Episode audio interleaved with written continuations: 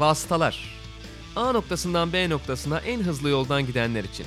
Malisel Işık, Barkın Kızıl ve konukları motor sporları gündemini değerlendiriyor. Sokrates Podcast'te Vasıtaların 11. bölümüne hoş geldiniz. Ben Barkın Kızıl, Malisel Işık'la beraber bir de konuğumuz var. İnan Özdemir. Üç kişiyiz bugün ve programı açıyoruz. Hoş geldin lan. Hoş bulduk Mali ve hoş bulduk Barkın.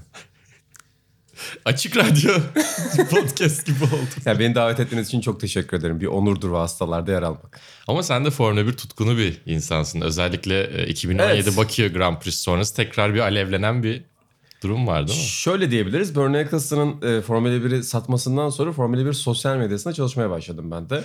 E, özellikle Türkiye'de çünkü Mali Selişan'ın aldığı düşük RT ve FAV sayılarını gördüm. Ve bu gidişe bir son verilmesi gerektiğine karar verdim. E, o yüzden artık ben de 2017'den beri buradayım. Ama hakikaten o Bakü çok benim kararımı değiştiren yarışlardan biridir bu işe geri dönmemde. Olaylı 2017 Bakü Grand Prix'si. İşte güvenlik aracı arkasında e, Sebastian Vettel'in Lewis Hamilton üzerine kırdığı çok böyle Türkiye'de trafikte görebileceğimiz. Hayvanlık bir yarıştı yani. Bir de şey çok iyiydi o yarışta. Sürekli güvenlik aracının çıkıp sürekli yarışın yeniden başlaması Evet. hakikaten inanılmaz bir şeydi. Ya bir de o yarış e, sosyal medyada çok paylaşılabilir pek çok şeye e, sahne olmuştu. Türkiye Allah içinde. korusun Allah yazılı korusun e, kamyon. çekici ki aslında çok normal bir şey ama yani o, o an için bize çok ilginç gelmişti yani. Onu düşündüm mesela. Hani ben önceki ilgi dönemimde işte klasik ben de bütün Türkiye'deki herkesin hikayesi gibi yani F1 Racing falan çocukken alıyordum. Bir Macaristan Grand Prix'si vardı. Batı'nın kazandı galiba. 2006. 2006 Grand Prix'si. İşte okuldan benim en yakın arkadaşım Cemil Olan'la da yıllarca hep Formula 1 konuşurduk. O çok hastası Formula 1'in. Çağırıyoruz bu programa da. Sizden habersiz. Ee, gelmekte ısrar... Yani ge- gelsen güzel olur diyoruz ama henüz e, olumlu bir çağrıda bulunmadı. Ben onun bir son virajda az daha ikinciliği verdiği bir yarış izlemiştim. bom, bom e, şey Borusan Otomotiv'in Evet aynen. Çok çok iyi bir aynı zamanda e-sporcudur. Ee, yarışlara çok katılıyor. Mesela Macaristan Grand Prix'si ile birlikte benim en sevdiğim Grand Prix'lerden biri. Almanya Grand Prix'sini de ona koyarım saçmalık açısından ama Bakü ve Macaristan o anlamda daha iyiydi bence. Bu sene neleri izledin İnan? Ya bu sene bayağı yarış izledim aslında. Sadece bu işte e, özellikle ilk yarıda çok yani takvimin ilk yarısında çok fazla yarış izledim. İşte Charles Leclerc'in arka arkaya kazandığı döneme kadar izledim, izledim, izledim. Sonra koptum. Yani özellikle Adıyaman'daki bedelli askerliğim ve sonrasında başlayan NBA sezonu beni biraz kopardı. Ama gelirken vasıtalara yakışan bir anı düşüneyim dedim abi aklımda. Siz de izin verirseniz bir çocukluk anısı anlatmak istiyorum. Çok güzel. Tabii. Duygusal bir çocukluk anısı. Ee, çocukken e, Fransa'dan kuzenim bize bir Nintendo getirmişti. Nintendo'nun hangi modeli olduğunu hatırlamıyorum. Bir tane de oyun getirmişti onunla birlikte. Formula 1 94 ya da 93 olması lazım abi. Ben de Türkiye'deki ilk Formula 1 şarkısını beslediğimi düşünüyorum o şeyle birlikte. ee, Andretti, Mansell ve Schumacher sürekli diziliyorlardı ondan sonra. Ben de işte Tuba ablamla yani ortanca ablamla birlikte sürekli bu yarışı e, işte oynuyorduk sürekli oyun oynuyorduk ve bir şarkı yapmıştım. Andretti Mansell Schumacher diye. Şarkıda başka söz yoktu işte. Andretti Mansell Schumacher, Andretti Mansell Schumacher diye gidiyordu. ve bütün tur boyunca bu şarkıyı söyledim. Gerizekalı olduğu için insanlar çocukken. Ondan sonra benim çocukluğuma dair en net hatırladığım anılardan biridir. Burada vasıtalar dinleyicileriyle paylaşmak istedim. Güzel Yani, parçaymış. a- ya Schumacher'in Benetton'da olduğunu hatırlıyorum ama Andretti ve Mansell'in hangi takımlarda olduğunu hatırlamıyorum. mesela. 93 olabilir. Andretti McLaren'daydı zaten. Aynen. Mansell Mario'nun oğlu. Nigel Mansell'da... Ben Mansell diyorum çocukken öyle dediğim için. ya olsun bizde Barrichello dedik çok uzun dönem. Çok daha farklı okunuyormuş. 92 olabilir ya. 92, 92 Ya olabilir. 92 ya 93'tür. çok güzelmiş ama beğendim. Bunları bunları... Aslında şey trap müziği de o zamanlardan bulmuş gibisin Evet neredeyse. biraz da, biraz biraz Ya ona ototune atarsan bayağı şey oluyor. yani çok repetisyona dayalı biraz insanı boğan bir şarkıydı. Yani çok iyi bir şarkı olduğunu söyleyemeyeceğim. Aslında öyle şarkılar tutuyor. Ben dün Papi Chulo şarkısını düşündüm. Papi Chulo Bengami başka söz yok. Milyonlarca dinlenmiş bir parça. Ben dinlemedim Papi Chulo'yu ama yani eminim o da Ya mutlaka dinlemişsindir. Nasıl Asker, dinlemedin? askere gitmiş adamsın bir kere. 18 günde bir yerden denk gelmiş olman lazım. E şey de öyle. I'm the Scatman de öyle mesela bilirsiniz belki hani. E, kekeme olan bir e, caz sanatçısı e, şarkı söyleyerek o kekemeliğini aşıyor ki çok kullanılan yöntemlerden bir tanesi. Sonra işte o I'm the Scatman şarkısını buluyor oradan yürüyor. I'm the Scatman diyor ve arada da bir şeyler söylüyor yani saçma olabilecek şeyler. İşte benim- ufak rap bölümü. benim yanlışım buna devam etmemek oldu sonra. Bence de yani hani çünkü Formula 1 ile ilgili parçalar çok nadir de hatırlarsan bir tane Schumacher mixi var ya. Evet müthiş değil mi? Motor sesli olan böyle sürekli. Falan. Çok kötü yani. Alman Eurobeat o iğrenç o Tom Bonn'un halay çektiği müzikler var ya o tarz. şey. Euro Trash. Ben Aynen, bayılıyorum Euro o müziklere abi. Böyle Belçika'da, Hollanda'da bisiklet yarışlarında full çalıyor. İşte Quick Step'in falan da takım Aynen, arabalarında. tamam. Yani sürekli o Euro Trash çalıyor. Rezalet bir müzik yani. Aynen. Tam öyle şeyler vardı. Ya şey işte bir de Formula 1'in e, yeni dönem Liberty medyası üzerine aslında biraz e, seninle de konuşmak isteriz. Maaşlı çalışan sayılırsın. Favlar şeyler. Ben e, bu şeyi işte e, yarışı açtım birazdan heyecanlanacak falan diyorsun ki Brezilya'da da son turlarda açtın değil mi? Evet abi son 10 tur kala açtım. Ee, yine Cem mesaj atmıştı yarış çok güzel aç diye. Açtım ve sonra olanlar oldu. Yani tweet atmam için bütün senaryo hazırdı. Ben de acaba hangi sahneden bu yarışı yorumlayayım dedim. Şey, Rezervuar bir köpeklerini cevapsız abi yarışta hiçbir şey olmuyor deyip açsana sen bir diye. Rezervar köpekleri de bayağı yürüdü sonra değil mi? Yürüdü yürüdü aynen. Sen de biliyorum izledin yani kıskanç gözlerle baktın. tweetine, Yapacak bir şey yok yani. yani seninkitten daha farklı. Biz Barkın'la beraber izledik. Barkın oraya yastığa bağırıyordu. Temas sonrasında. O şey var ya bir tane Massa'nın kaybettiği yarışta duvara kafa atan Ferrari Evet, çalışanı. evet. O gif gibi izliyordur. Barkın Ben hakikaten o gif gibi izledim. O da Formula 1'in en komik görüntülerinden bir Abi tanesi. inanılmaz bir görüntü. Hangisi benim du- yastığa bağırdığım mı yoksa duvara Öbürü. kafa Sen, atan? sen ilk üçe girersin de duvara kafa atan çok acayip ya. Ya ben bu sene işte Almanya mıydı? Ee, Yağmur yağan. işte Ortalığın karıştı. şey pit stopta Mercedes'in saçmaladı. Mesela sonra galiba Ferrari'nin de bir tane pitte hangi lastiği seçeceğim diye böyle uzun süre düşünen bir teknik ekibi vardı. Ondan sonra lastiklere bakan. Onunla birlikte pit stopta Ama gördüğüm bu çok e, şey yapmadı değil mi? Ee, en komik şeylerden. Kategorileri çok daraltmadı Ferrari. kötü Daraltmadı, deyince. hatta- Baştan sayayım Avustralya'dan sen dur da bana. Bu hafta bir görsel paylaşmışlar. İşte pit stop 3 saniyenin altında yapılır diye bir e, işte madde var. Ki zaten 2 saniyenin altında yapıyor Red Bull. Siz bunu niye koydunuz? Birincisi. İkincisi birer lastik fazla var. Photoshop'la birer kişi daha eklemişler. İkişer lastik bir tarafta takılı bir lastik. Hay- Aynı hafta Red Bull e, yer çekimsiz ortamda pit stop videosu paylaştı bir de. Abi o da yani hakikaten inanılmaz bir harcama. Buradan Red Bull ekibini de te- tebrik ediyorum. Ferrari'ye nazire yaparcasına. Yani belki tamam şampiyon olamıyor onlar da şu anda ama en azından Ferrari'den daha sonra şampiyon olmuşlukları var. Pit ekibi olarak iyiler. Hatta bence motor konusunda da Honda ile çok iyi çalışıyorlar. Önümüzdeki yıl yani Lewis Hamilton bir de biraz şey yapıyor böyle. Rakiplerimiz de hiç fena değil diyor. O da öğrendi Toto Wolff'tan. Önümüzdeki yıl üçlü bir şampiyonluk mücadelesi olabilir diyor.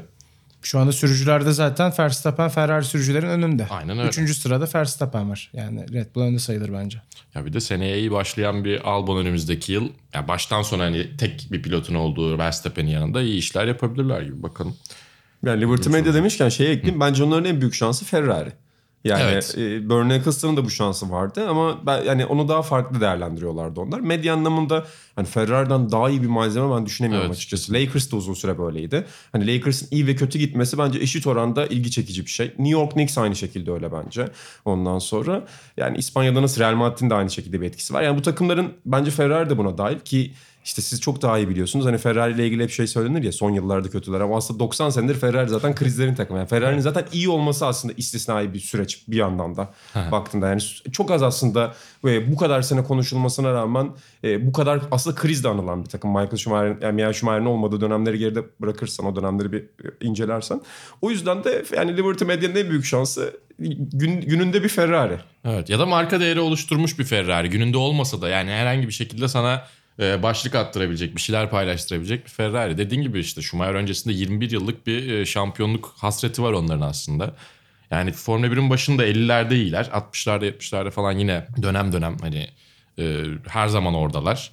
Ama e, yani her sene şampiyonluk tabii ki çok zor bir şey bu arada. Yani ilk Formula Tabii 1 canım, Grand. Prix'sinden bu döneme kadar yarışmak da çok ekstra bir şey. Ama ya bir de şöyle bir durum var şimdi.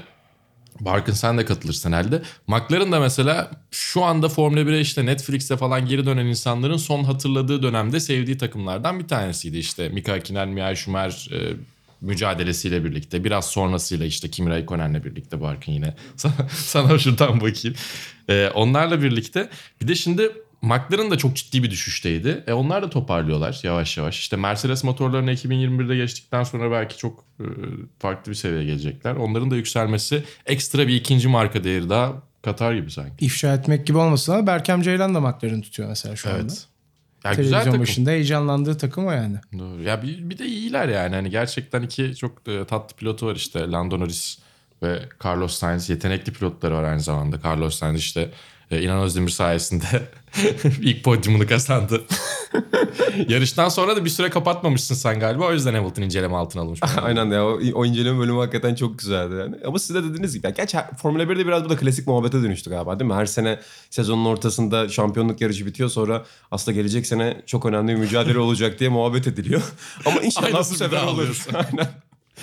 Ya işte 2021'e biraz bel bağlıyoruz ama o da ne kadar değiştirecek bilmiyorum. Önde olan her zaman o avantajı sağlıyor çünkü. Önde olan adam e, iki sene sonraki kural değişikliklerine dahi şimdiden çalışabiliyor. Öyle bir lüksü oluyor çünkü. Ya da işte Mercedes'in bu sene yaptığı gibi e, sezonun belli bir noktasından sonra yavaş yavaş e, gazdan ayağını çekip bir sonraki sezonun aracına odaklanabiliyorlar. Ya gazdan ayağını çekmek zaten bütçeyi kısarak aslında o hafta sonunda harcanacak. Bir gelecekteki yarışa yatırım yapmak şeklinde oluyor.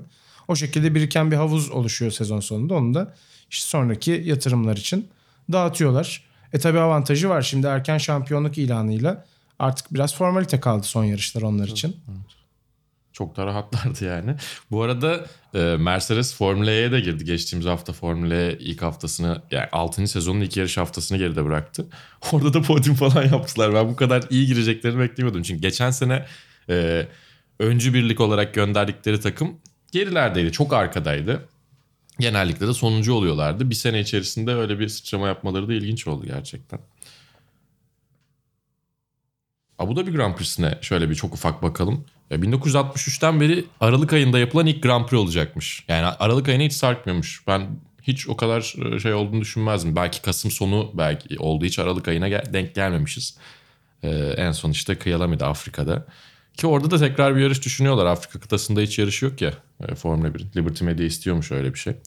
Yani ilginç sezonun bu kadar sarkması e, pilotlar için dert değil tabii ki. Yani Ibiza'da 10 gün daha az geçirirler ama e, mekanikerler ve onların e, durumları için biraz daha sıkıntı oluyor bildiğim kadarıyla. Şimdi oradan haldır koşup işte e, Noel'e falan yetişecekler, yeni yıla yetişecekler. Biraz e, tercih edilmeyen bir durum galiba anladığım kadarıyla. Bir de sezon kısalıyor tabii ki işte yani. Sizce peki takvim değişecek mi? Yani çok fazla bu Liberty Media'nın şimdi yeni yarış eklemek istediği falan konuşuluyor ya. Hani sonuçta Formula 1'in eskiden alıştığımız bir temposu vardı. Şimdi mesela galiba artık arka arkaya yarışların olduğu hafta sonları Evet. artmaya başladı. Evet. Yani maraba gibi sizce Formula 1 pilotlarının ve teknikerlerinin kullanıldığı yeni bir takvim olacak mı? Çünkü ne kadar yarış koysan o kadar saçmalık çıkıyor. Ve hani Evet. o kadar iyi bir hikaye çıkarma şansın artıyor. Yani belli bir üst limit var ama o üst limiti henüz bulmadık gibi yani. 22 olsun 23 olsun istiyorlar da. Parayı veren düdüğü hala çalıyor yani Tabii aslında. kesinlikle. 15 yarışa düşürülsün diye galiba Fetel söylemişti iki hafta önce mi?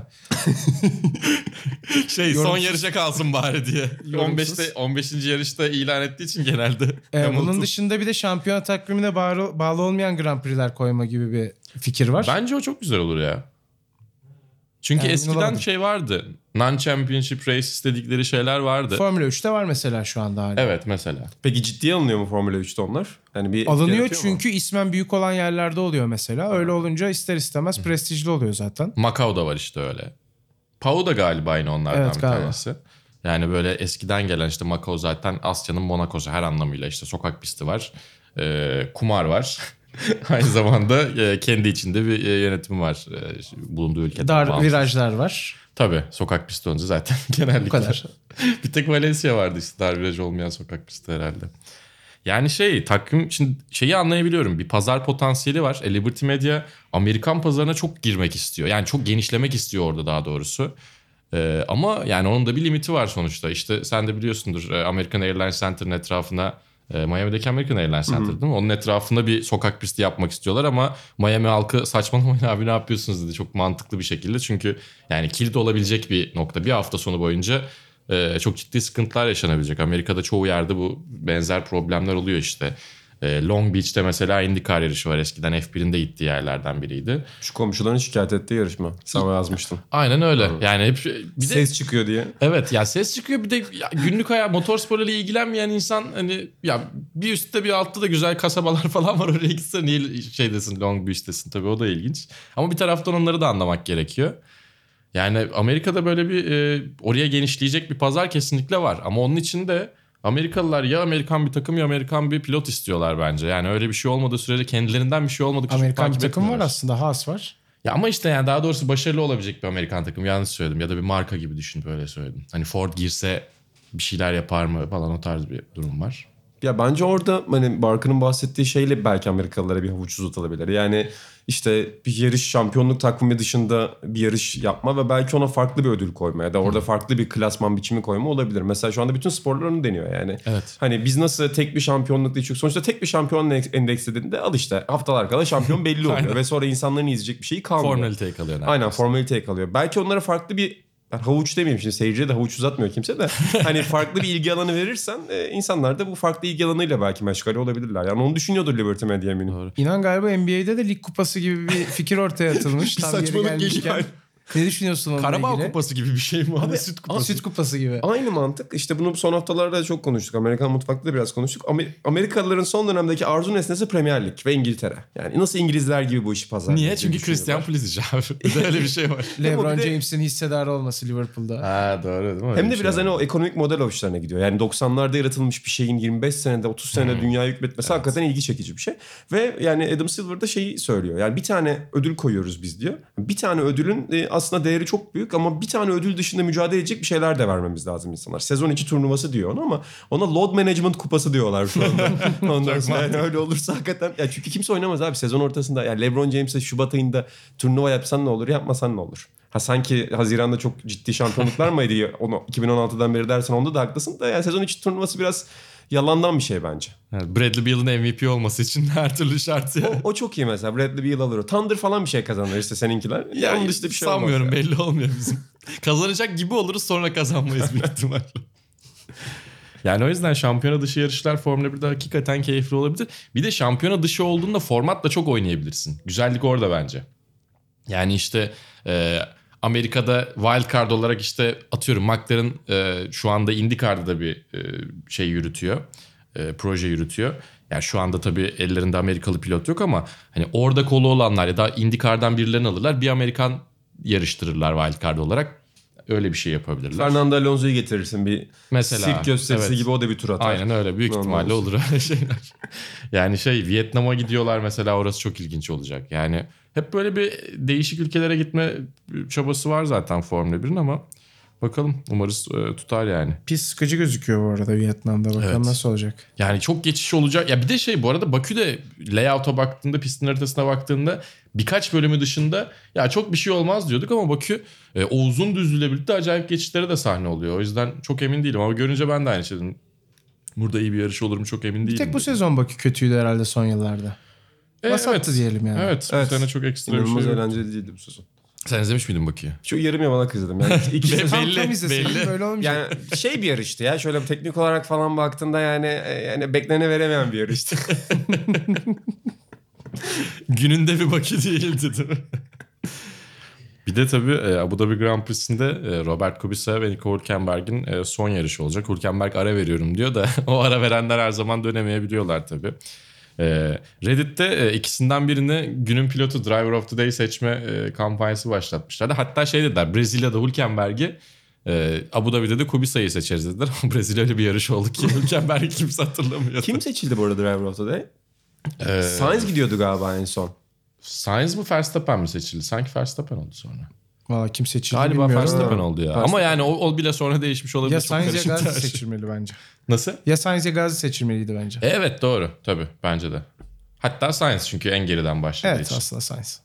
Yani çok çok iyi işler yapıyor zaten o da işte bazen arka planda. Ama acımasız dünya Gasly'yi 5 dakikada unuttu be orada. Yani yarış sonunda. Doğru. Yani o da üzücüydü. Hemen üstüne inceleme gelince Üzücüydü Ya yani. Sainz'i yarış sırasında unuttular. Son sıradan üçüncü oldu. Bir kere bile bir kere gördük. Bir tane hatanı neredeyse. gördük işte. O da çok iyi bir ataktı zaten. O kadar. Benim bu sene gördüğüm en iyi Sonra üç atak YouTube'da içerisindeydi. onun işte aracından bütün geçişleri koymuşlar. Teselli gibi Neyse ki onu izleyebildik aynen teselli gibi. YouTube, YouTube'a atmışlar onu. İkinci kanala atar gibi. Bakalım o oylama işi ilginç olacak. Bir de şöyle bir durum var tabii Peki şimdi. bir oyunuz olsa Hülkenberg'e mi verirseniz Kubica'ya mı Bir verirsiniz? severim tabii ki. Neden? Çok çok acayip bir şey yaptı bence. Yani fiziksel bir e, hakikaten engeli olmasına rağmen e, ve yıllar boyunca Formula 1'den uzak kalmış olmasına rağmen döndü ve bir sezon yarıştı bence. O yüzden ben Kubica derim. Ben Hülkenberg diyecektim ki de Mali'nin bu açıklamasından sonra diyemiyorum. Niye canım olur mu öyle şey? ne bileyim çok güzel anlattın ya. Üzücüydü. Ben de Sen niye Hülkenberg diyeyim o zaman. Şöyle açıklayayım. Bu kadar senedir Formula 1'de yarışıyor. Hala podyum yok bari. Günün sürücüsü olarak. Bari bir şey kazansın. Şey gibi böyle şampuanlı falan Gitmeler. sepet. Şey verirdi ya Barış Manço diş macunu diş fırçası veriyordu ya çocuklara. Şahane pazarda da battaniye veriliyordu. Doğru. Ama Hülkenberg bu sene hakikaten üzdü ya. Yaklaştı ya. Almanya'da yaklaşmıştı. Evet evet Almanya'da yaklaştı. Yani gerçi herhalde onu yakından takip edenler bunun 5 turluk bir serüven olduğundan emindi ama Ben Ali, güzel bir 5 Ali tur. Çolak ve Nuri Kalyoncu ile izledim. Yapamaz demiştim podyum sonra zaten yapamadı. ya maalesef baskı altında işte kendisi de aynı şey düşünüyor bence bu arada. Yoksa yeteneğiyle değil e, baskı altında çözülmesiyle birlikte bir sıkıntısı var. Yeteneksiz değil aslında. Ama yani sadece yetenekli de podyum olmuyor zaten. Ama yani bu kadar senede de bir kere denk gelirdi be. Evet. O da bir ilginç başarı yani. Bir de pole pozisyonu falan var bu adamın. Öyle düşün. Çok gen yani şey Williams'ta kaç? 2012'de mi? Öyle bir şeydi. Çok eski yani ilk, ilk zamanlarında gelirken çok iyi geldi işte. Geleceğin Schumacher diye geldi. Herkese de geleceğin bir şey demeyince The Next LeBron muhabbeti gibi. O zaman 2012 demişken numaralardan biraz bahsedelim. Hadi Bası bahsedelim. bağladım. 2012'yi Güzel. duyar duymaz. Ee, MotoGP'de Jorge Lorenzo en son bir numarayla yarışmıştı 2012'de. Ee, 2014'te de Lewis Hamilton bir yarışlık bir numarayı taşıdı. Yok, e, geçen mi? sene taşıdı bir yarışta. Geçen sene taşıdı, Yani sezon boyunca 2014'te Sebastian Ha Vettel'le tabii tabii doğru haklısın. Ee, bu numaranın özelliği sence ne aslında? Bir numara zorunlu olmalı mı mesela? Yani ben direkt inana yönlendireyim aslında. Çünkü e, senin görüşünü ben bir merak ediyorum. Bir numara sana nasıl görünüyor? Bir prestij mi yoksa e, aynı zamanda şey mi?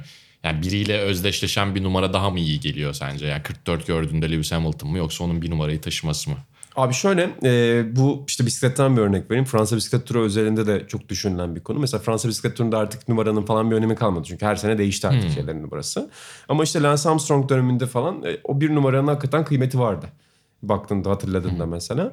Bence e- eğer bu kadar sene atıyorum Lewis Hamilton'ı bir numarayla özdeşleştirirsek onun bir numara vermenin artık çok da büyük bir kıymeti yok yani. Hmm, anladım. Yani benim için çok özel bir şey olmaz yani ona bir numara vermenin. Anladım. Bir de ilginç olan e, şampiyon olan pilotlar, sürücüler e, önümüzdeki sene, daha doğrusu gelecek sene bir numarayla yarışma hakkını elde ediyorlar ama markalar marka değeri oluşturdukları için artık o numaralarla işte 93 işte 46 gibi Rossi ilk yap- ya- tercih etmeyenlerden bir tanesiydi bir numarayı.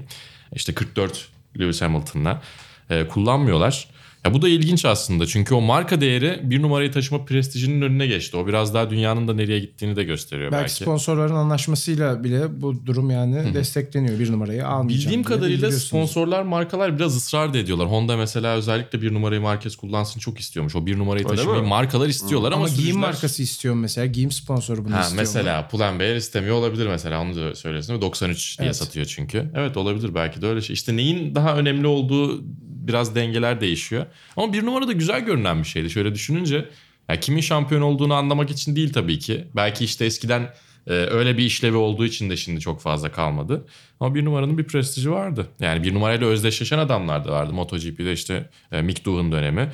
Bir de şey var yine Barkın sen de biliyorsundur. E, bir numaranın bir sonraki yıl koruması çok kolay bir numara olmadığını ve bu yüzden biraz böyle aslında laneti olduğunu da e, düşünenler var. O da ilginç mesela. Hani böyle de bir bağlantı var tabii Ya ben ki. de onu düşünüyordum yani acaba bir laneti mi var diye. Çünkü yani Formula 1'de yani maalesef üzücü bir noktaya geleceğim de ne yaparsan yap bir kazaya ya da bir trajik Hmm. şeye çıkıyor bunların sonu. Acaba bir numarada böyle bir lanet mi var diye düşünüyorum. Ya öyle değil de yani aslında şöyle yani e, olayların birbirinin üstüne denk geliyor olması birbirinin sebebi olduğu anlamına gelmiyor. Unvanını korumak istatistiksel olarak zor bir şey motor sporlarında. E, o, özellikle de Formula 1'de birkaç dominasyon dışında baktığınızda şampiyon olanların işte yüzde kaçı bir sonraki sene unvanını koruyabilmiş diye baktığınızda çok fazla şey yok. Son dönemde biraz daha kırıldı o tabii Aslında ki. son 20-25 yılda yüksek bir oranı olabilir. Evet. Şimdi geriye doğru gidiyorum. Tek olanlar daha az gibi.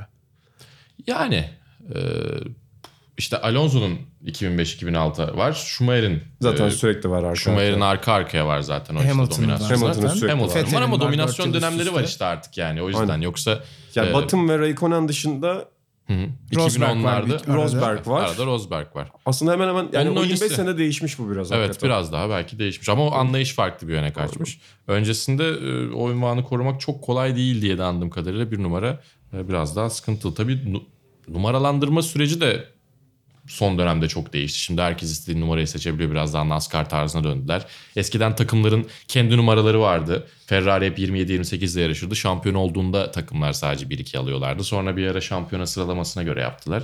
Yani çok büyük bir gelenek değil aslında. Aa kırılmaz yapmamamız gerekiyor gibi bir şey değil. Ama ilginç yani. Çok uzun zamandır motorsporlarında bir numara en azından otomobil e, motosiklet sporlarında görmemiz. VRC'yi ayrı tutuyorum. İlginç bence. Ben Mark Marquez'in Pull&Bear ile ilişkisini bilmiyordum şu an. Çok onu Hmm, sponsoru. İlginç bir sponsorluk Evet. abi. Yani bütün giyim ürünlerini onun üzerinden e, şey yapıyorlar. Bayağı da güzel şeyleri var böyle. Kapşonlusu, osu busu satıyor. Ben etrafta görüyorum bu arada. İstanbul'da satılıyor mu? Evet evet var var. Ya bir de şey çok ilginç. Ee, daha böyle mainstream markalarla birlikte o e, ürünleri satmaya başladılar ya. Ben sağda solda daha çok motorsporları kıyafeti görüyorum böyle. Yolda denk geliyorum. Çünkü e, yani işte bir dükkana girip ya da işte normalde alışveriş yaptığınız yerlerde bu tarz ürünleri bulabilir hale geldiniz. Eskiden sadece işte birkaç spor markası dışında çok fazla yoktu. Şimdi moda markalarıyla da. Sen lisanslı spor ürünleri konusunda bir markasın. Evet, yani tabii. özellikle giydiğin en büyük ürünlerinin de yani lisansı Kesinlikle. Amerika'dan tescillidir. Tabii tabii. Aynen öyle. Geçen sene bir mağaza incelemesi yaptık. Güzel ürünler gelmiş. Da söyleyelim. vloga da döneceğiz ara ara galiba. Bir alışveriş vlogu çeksek bir diye evet düşünmüyor gerçi değiliz. motor sporları e, şeyleriyle Şey, markalardan gelenler. Evet. Sevgili takipçilerim. şey esvaplar falan Sponsor şey olmak bulun. isteyen varsa Evet, tabii buradan ki. seslen. Aynen öyle bir tişört gönderin. Yeter bize. Ee, Biraz MotoGP Mark Marquez dedik aslında. Ee, konuyu da oraya bağlamak lazım. Ee, dün dün değil ondan önceki gün galiba test kazasında e, geçen sene ameliyat olduğu sağ omzunu çıkardı Mark Marquez. Ve yani şu anda zaten bütün rekorları dağıtmasının önündeki tek engel olarak devam edebilecek, yükselebilecek bir sakatlık diye bahsediyorduk. Jorge Lorenzo bu sene sene içinde geçirdiği sakatlıklar ve yıllar boyu sakatlıkların getirdiği o vücudundaki yorgunlukla birlikte erken bir yaşta diyebileceğimiz bir noktada emekliliğini ilan etti. E, spor dünyasında sakatlık ve kariyer bu ara çok gündemde. Özellikle NBA'de de inancım bayağı sakatlık var bu sene. Aynen yani bu sene bayağı yani yarısı gerçek yarısı hafif fake Evet. çok fazla sakatlık görüyoruz. Ama yani senin söylediğin cümle önemli orada. Dominasyonun önündeki tek engel sakatlık görünüyor diyor. Yani bir yandan da şeyi konuşmuşsunuzdur muhtemelen. Mesela hani ben size sorayım burada. Artık bilgim tıkandığı için buradan sonra sorularla devam edeceğim. Dominasyon izlemekten eğleniyor musunuz mesela? Yani Mark Marquez size keyif verdi mi bu sezon mesela? Hadi Lewis Hamilton'ı geçiyorum şimdi. Taraflılığınız belli olmasın Mark'ın. ş- şey olarak ayrılıyor herhalde değil mi? E, yani yarışlar keyifli ama puan tablosu dominasyonla geçiyorsa benim için problem değil. Ama tam tersi olduğunda sıkıntı olabiliyor. Doğru bence de öyle. Ya pist üstünde mücadele varsa o zaman eğlenceli. Yani genel durum çok da önemli gelmiyor bir noktadan sonra. Zaten kabulleniyorsun yani bir yerde. Hüzünlü tifosu farklı kısım. Ama yok ben Lewis Hamilton'ı izlemekten büyük keyif alıyorum ya. Kimsenin yapamayacağı şeyleri yapıyor yani. Evet tarihe tanıklık ediyor. Bu tarihe olmanın tanıklık etmek gibi bir şey olduğu güzel için. bir şey. Marquez üzerinde peki? Ya onunki zaten daha büyük bir dominasyon. Çünkü yani şu, MotoGP'ye çıktığından beri sadece bir kez şampiyon olamadı.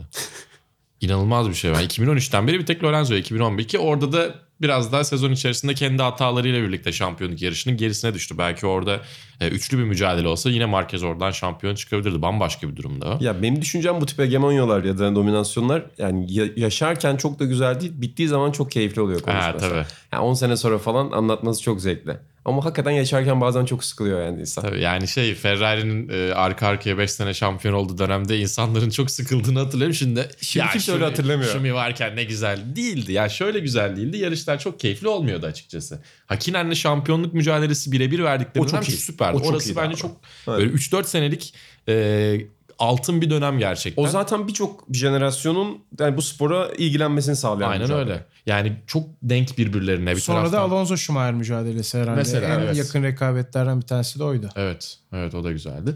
Ama şöyle de bir durum var. Sonrasında çok güzel sezonlar gördük aslında. 2007 inanılmaz bir finaldi. 2008 tarihin en iyi finaliydi belki. Ee, 2009 bir işte peri masalı Brown GP'nin saçma sapan bir yerden gelip bir anda e, Honda kapandıktan sonra bir pound'a e, Ross Brown'un takımı satın alıp borçlarıyla birlikte e, oradan sonra takımı şampiyon yapması. Ya o sonraki şampiyonluklar da böyle son yarışlara gitti aslında ama pist üstünde çok fazla bir şey görmüyorduk. Yani tablo çok he- heyecanlıydı. Sürekli değişiyordu. İşte 2010'da Mark Webber'le Fernando Alonso 1 ve 2 geldiler şampiyonaya. Vettel arkadan gelip şampiyon oldu son yarışta. Yani çok güzel sezon Bir kere bile öne geçmemişti galiba. Bir kere bile öne Sezon geçmemişti. boyunca. Aynen öyle. Aynen. Hakikaten- Bilginde bitmemiş öyle diyordun ama. Yani e, orada ben hep şunu düşünüyorum. Ben tatillerle de ilgili bunu düşünüyorum. Yani motorsporları dışından bir örnek vereceğim. Bittiği zaman çok eğlenceli oluyor bence tatiller mesela. Hani Bence de. Bir yeri anlatmasının en güzel tarafı döndükten evet. sonra. Evet. Ne- Ondan- neler yaptın, neler ettin. ne oldu bu sezon? Of o kadar güzel aç kaldım ki orada işte bilmem nerede şu oldu. Biraz Mark Marquez, Lewis Hamilton'da bana aynı hisleri doğuruyor. Evet doğru. Ya bittikten sonra çünkü geriye dönüp bütün hikayeyi görmüş olacaksın. Şu anda içindesin. Tam ne olduğunu, nereye gideceğini bilmiyorsun. Bir de 5 sene sonra Verstappen şampiyonluğunu izlerken atıyorum şey diyeceğim. Ya ulan bunlar bir şey mi? bir Lewis Hamilton Lewis var. Hamilton izledik biz diye. Evet. Bir de öyle bir şey var. İnsan yaşlandıkça e, senin izlediğin dönemleri izlemeyenlere hava atabileceğin şeyler doğuyor aslında. Sebeplerinden bir tanesi de o. Ya ama şey heyecanlanamamak sıkıntı. Yani Mercedes'in şampiyon olacağını biliyorsun. İşte geçen sene kadar Golden State'in şampiyon olacağını biliyorsun. Evet. Bu biraz sıkıcı yapıyor bence. Yok çok Yalan yok yani. Kesinlikle bence de ya ben mesela şeye hiç katılmazdım. İşte insanlar Barcelona çok iyi en iyi uzay futbolunu oynarken de bunu söylüyordu. İşte büyüklüğü takdir edin. Abi takdir etmek zorunda değilim anladın mı? Sıkılıyorum büyüklükten. Yani bana çatışma vermen lazım biraz yani. Evet. Biraz çatışma olduğu zaman çok güzel oluyor. Yani bu senenin de mesela işte motor sporları üzerinde en çok gördüğümüz hikayesi takım içi çatışma belki. Evet. Ama sonuçta bir çatışma, bir senaryo değeri yaratıyorsun sen oradan ve onun üzerinden pazarlamanı yapıyorsun. Yoksa büyüklüğü takdir edeyim edeyim de yani 18 hafta sonunda büyüklüğü takdir etmeyeyim artık. Sözcük sıfat kalmıyor yani. Doğru. Biraz sert konuştum. Yo doğru. Bir de bazen klasiğe de insanlar böyle eski rekabetleri de tekrar görmek istiyorlar. İşte e, belki bu sene e, Celtics Lakers finali görme ihtimalimiz Zor, zor. Yani Bucks'a döndü galiba. Yayıncılık anlamında sıkıntı yaşayabiliriz. Evet o yüzden tabii. oralara evet, girmeyelim. Evet evet umarım Bucks daha iyi işler yapabilir tabii. Bir taraftan şehir içi çatışma işte Clippers Lakers gibi. Yani Ya, çok- farklı e, NBA'in işte şu an bir anda e, her takımda ya da en azından contender diyebileceğin çoğu takımda 2-3 yıldızın olmasıyla ortalık bir açıldı ve şu anda fark ediyorsun eski tarafın ne kadar e, can sıkıcı olduğunu. Belki Formula 1'de de 2021'de benzer bir şey düşüneceğiz. Olabilir bence çok mantıklı. İnşallah öyle olur. Şeydir ya böyle odadan çıkıp gelince tekrar abi bir cam açın çok havasız burası falan dersin ya içeride fark etmezsin. NBA'de şu anda o bir cam açın e, sezonu geçiyor İşte gibi. Formula 1'de de gelecek sezon. Evet. Göreceğiz. Yok 2021'de. 2021'de. 2 sezon 2021'de sonra göreceğiz. göreceğiz 2 onu. sezon sonra göreceğiz. Evet, Marquez demiştim ben biraz limon sıktım muhabbetine. Sakatlık demiştim. Yok sakatlık ben sana Lebron övesin diye pas attım. Yok ya o kadar da hep şimdi NBA Ama muhabbeti hayır, yapmıyorum. yani tabii ki ama şey için söylüyorum. E, spor dünyasında Lewis Hamilton mesela benzer örneklerden bir tanesi o konuda. E, çok fit ve şu anda 40 yaşına kadar rahatlıkla yarışırım diyor. Mental anlamda da motive. E, hem fiziksel olarak o fitliği yakalayıp hem mental anlamda o motivasyonu da kaybetmemek çok zor bir şey bence. Spor dünyasının zirvesinde hem de domine ediyorken. Abi bence yani işte Rosberg'in karakter üzerinde de şimdi insanlar Rosberg röportajlarda şunda bunda anıyorlar yani işte YouTube'da falan filan hani ne kadar özel bir karakterdi. Hani hakikaten çok da inanılmaz bir şey söylemeyeceğim de büyük sporcularla çok iyi sporcuları ayıran şey temelde o zaten. Yani Tom Brady'nin hep söylenir mesela atıyorum 54. sezonundan sonra bile Giselle Bündchen'le gittiği bir tatilde e, işte Super Bowl'dan 3 gün sonra bile özel antrenörün oraya çağırması ve çalışmaya devam etmesi bu gerçekten benim gibi insanların muhtemelen sizin de öyle aklımdan almayacağı bir şey. Evet. Yani bir tane bile Formula 1 şampiyonundan sonra yetinebilecek milyonlarca insan var. Yani ben kendimi Evet. öyle öyle bir insan olarak biliyorum mesela. Muhtemelen Evet. hırslıyımdır aslında ben de. Hani öyle şimdi kendimi şey yapmayayım ama yani bu insanların mesela Lewis Hamilton da buna dahil bence hala bu açıda koruması inanılmaz bir şey. Yani. Ve İnanılmaz çıta da koymuyorlar. Yani Hamilton şey de demiyor Barkın. E, Schumacher'in şampiyonluklarını geçtikten sonra bırakırım gibi bir şey mi? Gittiği yere kadar diyor ve korkutucu bir şey rakipleri için bence. Marquez de öyle mesela. Yani Evet. inanılır gibi bir şey değil. Senin verdiğin istatistiğin benzeri yok herhangi bir sporda. Bir sezon dışında bütün şeyi dom- domine etmek. Yani benzeri olabilecek bir şey de değil zaten. İşte Sebastian Loeb vardı bir işte. O da ilk sezon şampiyon olamadı. Sonra 9 sene oldu. Hep motor sporlarından çıkıyor bak böyle şeyler demek ki. O da ilginç. Mentaliteyle çok ilgili yani herkes yapamaz gerçekten öyle birisinin sizi motive etmesiyle falan o noktalara gelmeniz çok söz konusu değil bence. LeBron da kendini hep Tom Brady ile özdeşleştiriyor mesela konuşurken. İşte onlar birkaç tane öyle özel karakterli sporcu bence. Bir de ama Hamilton da içinde bu grubun. senin yani özel karaktere mesela şey de çok dahil. Kurumsal kültürün de o özel karakterle buluşması çok önemli. Evet, yani illaki. Brady'yi sen Patriots kurumsal kültürle özdeşleştiriyorsun. O kurumsal kültürün kendi içinde bir hesap verilebilirliği var. Ve en büyük yıldızının bile emir dinleyebilecek bir kapasitesi var. Aynı örneği Mercedes'te görüyorsun. Muhtemelen Mark Marquez de öyle bir karakterdir. Şu anda tam olarak hani bunu öyle. düşünemem. Hani sonuçta bir kurumsal kültürle bir yapısal işte Mourinho bugünlerde bahsediyor bir yapısal empati, bir kurumsal kültür. O kurumsal kültürün içine o yıldız karakteri koyduğunda çok başka bir dominasyon yaratabiliyorsun. Alonso da çok büyük bir yetenekti. Ama o kurumsal kültürden çıkıp işte kendi yoluna gitmeye çalıştığında, kendi kararlarını vermeye çalıştığında arka arkaya yanlış kararlar verdi ve sonunda kendini podyumun çok uzağında gönüllerin şampiyonu olarak buldu. Evet doğru çok güzel bir örnek. Alonso mesela bu konuda belki Lewis Hamilton'la e, son dönemde baktığımızda e, yetenek olarak, hız olarak her şey açısından e, çok eşdeğer bir adam diyebiliriz. Yani bu dönem olarak baktığımızda. E, ama şampiyonluk sayısı farkları herhalde Alonso'nun kariyer tercihleri ve biraz da senin söylediğin e, O da sanki biraz fazla hırslı davranıp biraz hırsının kurbanı oldu. Ya bir de şeydir ya işte ne bileyim Fantasy Premier Lig oynarken falan da öyle bir şey oluyor. Adam işte e, o hafta çok iyi puan getirmiş oluyor ama bir sonraki haftaya bakıp seçmek gerekiyor. Puanı kovalama derler ya. Alonso'nun biraz öyle bir şey oldu. Gittiği takım çok iyi olmadığında daha iyi olabilecek başka bir takıma gitti ama o arada sporun ve sezonun metası değişti belki. Dolayısıyla hep bir adım geride kalmış oldu. Ya bir kere de bir, zaten hani kariyerinde 7-8 puan daha fazla kazanmış olsaydı farklı farklı sezonlarda 5 kere dünya şampiyonu da öyle bir durumu var. Bir de biraz şeyden bahsedelim. Ee, Citroen VRC'nin çekilme açıklamasından bahsetmek istiyorum. Ben sosyal medya ve işte bu kurumsallığın kullanımı açısından e, biraz konuyu oraya getirmiş olduk aslında. E, piyasada iyi pilot olmaması sebebiyle VRC'den çekildiğimizi açıklıyoruz diye. Ya bu ne kadar tripli bir açıklama bir. Bir de kötü bir şey bence yani. Hani geçen sene yarıştırdığın adamlar Sebastian Ogier'in gitmesiyle birlikte diyor. Yani Esa Pekalappi falan burada şey üvey evlat ki bence çok yetenekli. Çok garip bence ya böyle bir açıklama yapıp e, ya resmi açıklamanın tweetinde böyle bir şey yazıyor olmaları. Hadi basın bülteninin içerisine bir yere gömersin onu. Şey e, gazeteciler söylerler çıkartırlar. Sen bir de onu e, tweetin gövdesine yazıyorsun. Bir Fransız markası olmasının getirisi. Çok garip değil mi ya? Ojiye gittiği için biz de şey yapıyoruz gitmesin. Sen bilirsin VRC der gibi böyle. Kaldım böyle erkekler demişler ama cidden yani Barkın'ın yorumu bence süreci özetliyor. Sadece bir Fransız markasının yapabileceği bir açıklama. Çok garip ya. ya bir de eğer geri döneceksiniz, geri döneceksiniz mesela buraya. O zaman bu pilotların hiçbiriyle yarışmamaları gerekiyor. Evet. Çünkü hiçbiri iyi pilot değil onların Ee, gözünde. öyle diyor. Yani Garip. dö- dönmeyecekler galiba da. Demek ki dönmeyecekler. olmaz. Evet. Ya bir ara bir de şey çok ilginç. Ee, Citroen gelebilsin diye WTCC'yi mahvettiler. Saçma sapan bir noktaya getirdiler. 4 sene şampiyon oldu adamlar. Başka sonra VRC'ye dönmek istiyoruz biz dediler. VRC'ye geldiler. Onlara özel bir imtiyaz VRC'ye dönüşte sağladılar mı bilmiyorum ama e, orada da birkaç sene kalıp yine dönüyorlar falan. Biraz böyle bir değişik Ama işte hem. Loeb'le hem Ogier'le çok öne çıkan bir marka olunca da belki, de o nazları geçiyor. Yani Ojiye ile şampiyon olamadılar ama işte. Keşke biraz daha sabretselerdi. Ojiye emekli olacağım sonra da sizle yarışmıyorum deyince böyle bir tripli tweet atmışlar. Citroen'in herhalde en önde kaldığı konu şu oldu. Ee, yan markaları mı demek lazım? Premium sınıfı mı demek lazım? DS. e, Formula E'de çok iyi gidiyor. Jenerik Van'le iki sene üstte şampiyon oldular. DS'de Cheetah ismiyle. Belki oradan devam etmek gibi bir fik- yani fikire sahip olabilirler bence. Tabii Başka orada bilmiyorum. markaların artmasıyla birlikte de zaten e, Formula'ya markalar için acayip çekici bir hale geldi. Peki ben bitirmeden size bir soru sorabilir miyim? Tabii. Gerçi Twitter'da da ben bana sorularınız varsa yazın cevaplamayayım demiştim. Ee, benim bir soruma Alex Marquez torpilli midir bir yetenek midir?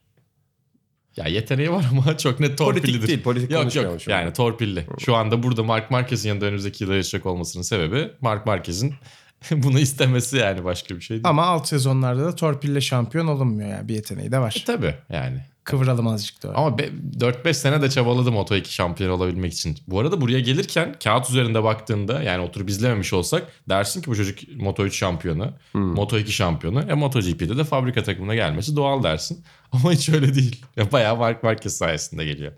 Ya Ralph'ten yani Ralph Schumacher'dan bir tık yukarıda olabilir. Ama bir, bir tık yukarıda olur gibi değil mi sanki? Önümüzdeki sene Buradan da cevap hakkı oldu yermişiz. Ralf Schumacher programın sonunda. Ha ben Alex Marquez'e cevap hakkı doğdu diye düşünüyordum. Ralph'in işi gücü yoksa belki cevap yazabilir bu arada. Son soru size. Kapatıyorum artık ben de muhabbetimi. Başka bir bildiğim bir şey kalmadı çünkü. Abu Dhabi'de ilk kim yarış dışı kalır diye sormuş biri bana. Hadi bir tahmin yapalım. Vay güzel. Kaç atacaksın da kaç lira atacaksın? Bilmiyorum daha. 5 lira 10 lira bir şey atarız. Bu da bir de kim Hadi sallayın siz de bireriz. Ricardo diyeyim. Ben de Ricardo diyecektim Gerçekten ya inanılmaz. Ben de Gasly diyeceğim. Hadi bakalım. Yani bu sempati puanlarını topladıktan Gün- sonra Gün yüzü görmesin Galatasaray'ın sezonu. Çocuk tatile tatsız çıksın değil mi istediğim bu. O zaman arkadaşına söyle Gasly'e ya da Ricardo'ya oynasın Evet. diyorum ben. Başka da bir şey Ricardo demiyorum. ilginç olabilir bence. Bölüm bitti. O zaman yavaş yavaş kapatalım. Bu hastaların 11. bölümünü. İnan Özdemir çok teşekkürler. ben Geldiğin teşekkür ederim bana tahammül ettiğiniz için. Keyifti. Bir daha bekleriz. Hoşçakalın. Hoşçakalın.